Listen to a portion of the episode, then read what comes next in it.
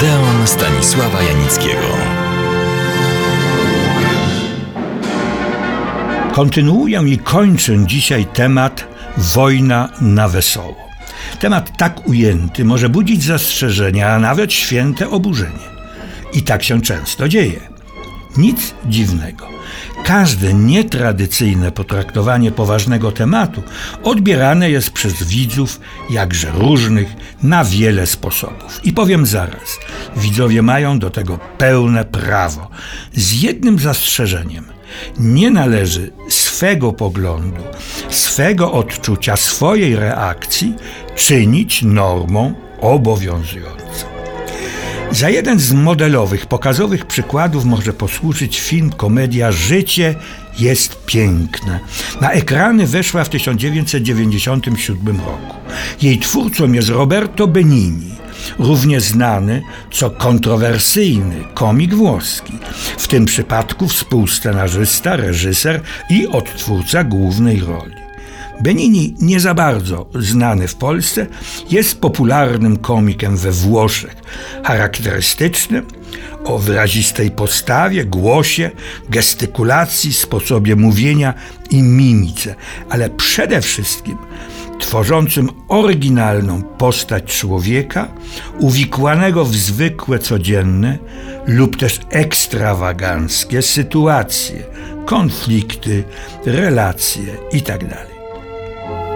Tak na marginesie, w czasie kręcenia w 1983 roku swojego pierwszego filmu Tu mi turbi, przeszkadzasz mi, poznał aktorkę Nicolettę Braski, która została jego żoną.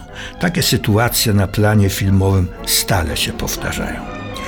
W połowie lat 90. przystąpił Roberto Benini do realizacji filmu Życie jest piękne. Gratu, jak napisano, obdarzonego wyobraźnią i poczuciem humoru prostodusznego Włocha, pół krwi Żyda.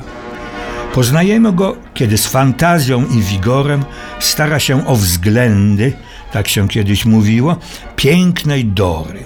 Zwieńczeniem tych starań było małżeństwo, a wkrótce i synek. Niestety wybuchła wojna, druga wojna światowa i obaj, ojciec Guido i syn Josue, zesłani zostali do hitlerowskiego obozu koncentracyjnego. Dora, matka, żona, jedzie za nimi z własnej woli. Główna część filmu to nadludzkie, desperackie wysiłki i starania ojca, żeby uchronić synka. Guido wmawia mu, że ich nowa rzeczywistość jest fikcyjna, a oni sami uczestniczą w zawodach, w których za tysiąc punktów można zdobyć nagrodę czołg. W finale Josue zdobywa nagrodę, ale traci ojca. Nie muszę mówić, że fakt umieszczenia akcji filmu w obozie koncentracyjnym wywołał szok. Robiono komedie wojenne w koszarach, na placu boju, na ziemi, na morzu i w przestworzach. Nikt jednak nie ośmielił się zrobić komedii, której głównymi bohaterami są więźniowie obozu śmierci. Roberto Benini zrobił ten film z takim taktem, wyczuciem, wrażliwością, że również ja chylę przed nim czoła. Taka ogólna, może banalna zasada. Nie jest ważne kto, co, kiedy, gdzie, dlaczego, ale ważne jest jak. A teraz film polski. Może nie aż tak rewolucyjny, bo w innym wymiarze i kształcie zrobiony, ale też potwierdzający tę wyrażoną powyżej zasadę. Jest wojna, okupacja niemiecka, Warszawa.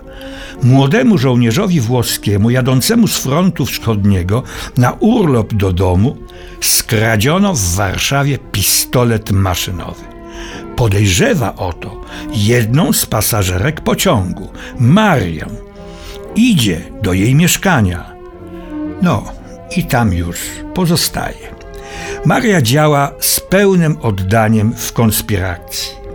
Włoch w mundurze okazuje się bardzo użyteczny. Porusza się swobodnie wśród nieustanych łapanek, wykrada Niemcom broń i tak Nawet brat Marii, Staszek, malarz, który marzy tylko o spokoju i odżegnuje się od wszelkiej działalności konspiracyjnej, szczególnie zbrojnej, zostaje jednak wciągnięty. Film, jak Państwo się zapewne domyślili, nosi tytuł Giuseppe w Warszawie i zrealizowany został w 1968 roku. Scenariusz napisał Jacek Wejroch, reżyserował Stanisław Lenartowicz, ale co najważniejsze, główne role grają Antonio Cifarello to nie pseudonim artystyczny, a prawdziwe imię i nazwisko w roli tytułowej owego Giuseppe w Warszawie.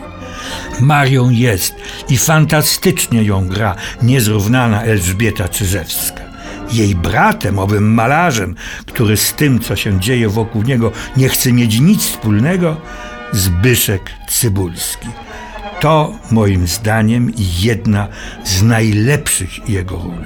I co ważne, i co nas teraz szczególnie interesuje, jest to rola jednoznacznie komediowa. Zresztą znawcy przedmiotu i on sam twierdzili, że pisane mu były właśnie role komediowe, ale nie te z kręgu sitcomu, popularnych programów telewizyjnych czy podrzędnych scen estradowych. Jedno jest pewne. Komedie, role komediowe to najwyższa szkoła jazdy w klasie aktorskiej, a role w komediach wojennych to poprzeczka umieszczona jeszcze wyżej. Zapraszam Państwa do następnego odronu.